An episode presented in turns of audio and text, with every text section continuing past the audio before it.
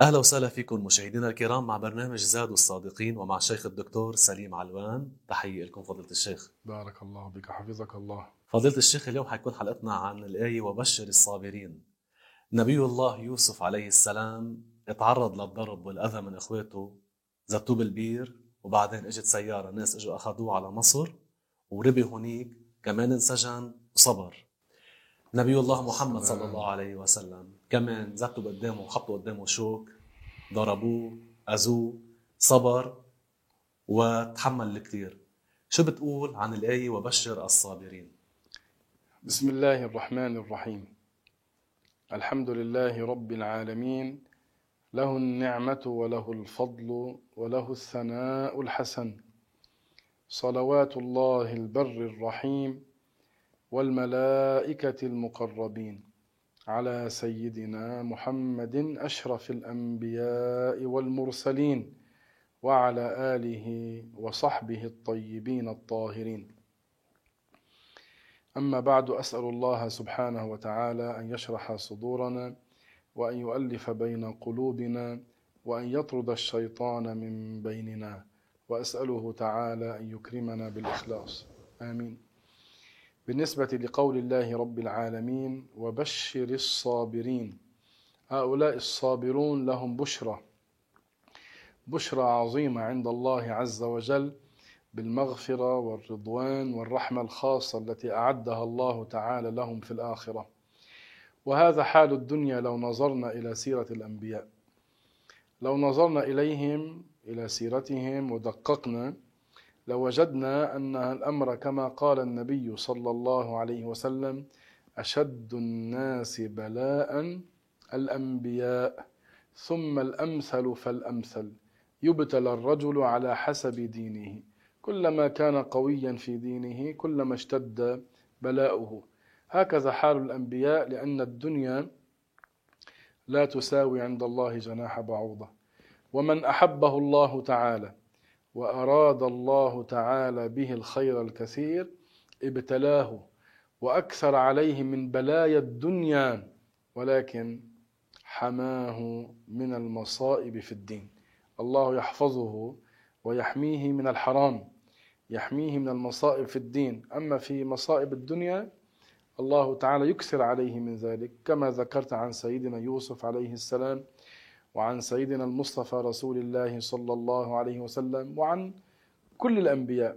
نحن لو نظرنا إلى سيرة نبي الله أيوب عليه سلام الله. نبي كريم على الله دعا إلى التوحيد دعا إلى الإسلام دعا إلى هذه الكلمة العظيمة لا إله إلا الله ومع ذلك ابتلاه الله تعالى. الله تعالى ابتلاه في نفسه وفي أولاده وفي أمواله ومع ذلك صبر. استقبل البلاء بالصبر فزاده الله تعالى رفعة ودرجة. ابتلاه الله تعالى في نفسه فمرض. أيوب عليه سلام الله مرض. مرضا دام طويلا. مرض ثمانية عشر سنة. لكن هذا المرض لم يكن من الأمراض المنفرة.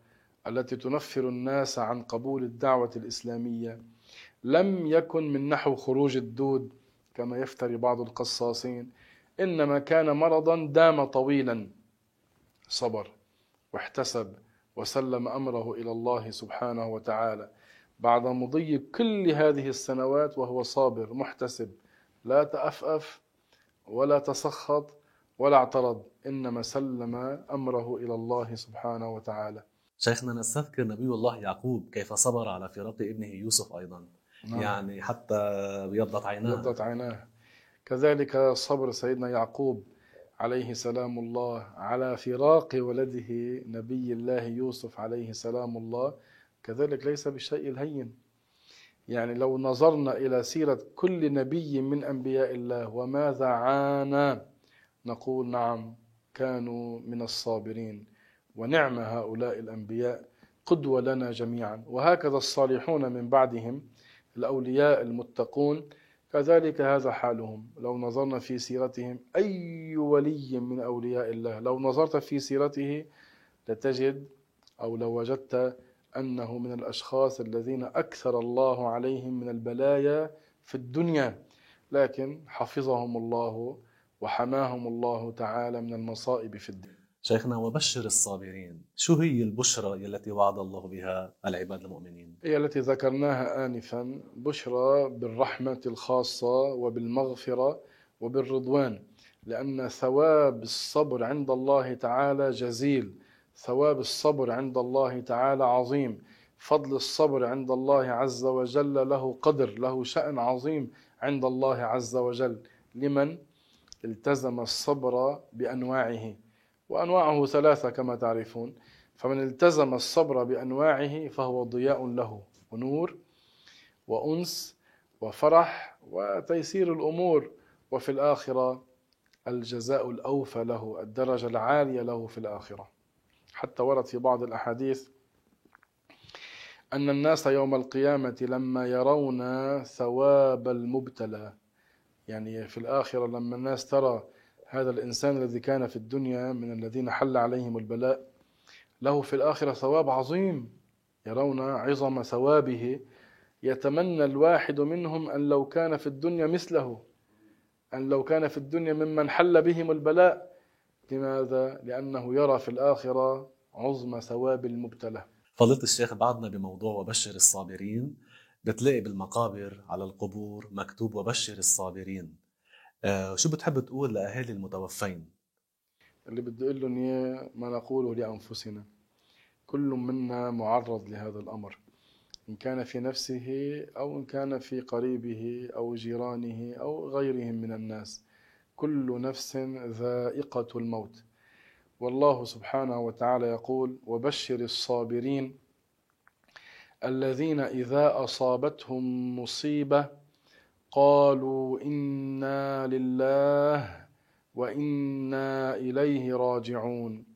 عند أول وهلة نزول المصيبة أن نقول بألسنتنا مع التسليم لله إنا لله وإنا إليه راجعون. سواء كانت هذه المصيبة في أنفسنا أو في أهلينا أو في أموالنا أو بفقد عزيز علينا نستقبل هذا البلاء بالصبر وأن نسلم أمرنا إلى الله ولا يكون إلا ما قدر الله لله ما أخذ وله ما أعطى وكل شيء عنده بأجل مسمى. شيخنا من فترة الطفل ريان المغربي وقع بالبير. لما عرفنا أنه مات كلنا زعلنا. أمه قالت أنا متوكلة على الله وهذا قدر الله.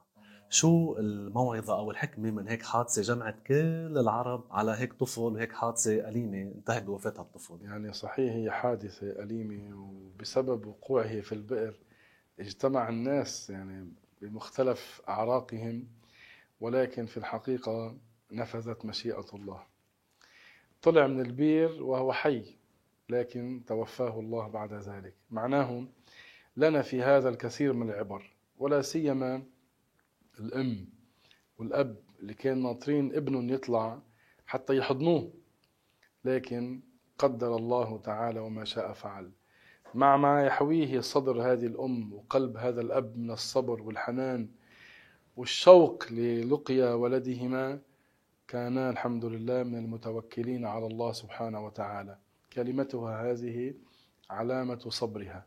نسأل الله تعالى أن يؤجرها على ذلك. نتذكر نحن ما حصل مع نبي الله محمد حبيب الله محمد عليه أفضل الصلاة وأتم التسليم. عندما دخل على ولده إبراهيم عمره سبعة عشر شهرا سبعة عشر شهرا توفاه الله وهو صغير. لما دخل عليه رسول الله صلى الله عليه وسلم وكان يحتضر ذرفت عينا رسول الله. بكى سيدي رسول الله. فقال له أحد الصحابة وأنت يا رسول الله؟ يعني أنت تبكي مثلنا؟ قال إنها رحمة. إن القلب ليحزن والعين لتدمع وإنا على فراقك يا إبراهيم لمحزونون ولا نقول إلا ما يرضي ربنا. ما شاء الله. وفي بعض الروايات إلا ما يرضى ربنا. نسأل الله تعالى أن يكرمنا جميعا بالصبر وأن يثيبنا عليه. آمين. ونقول لأهالي الطفل ريان وبشر الصابرين. وعظم الله أجورنا وأجوركم. آمين. إن شاء الله. وفقهم الله وأعانهم الله. شكرا لكم مستمعينا الكرام وبارك الله فيكم. إلى اللقاء في الحلقة القادمة.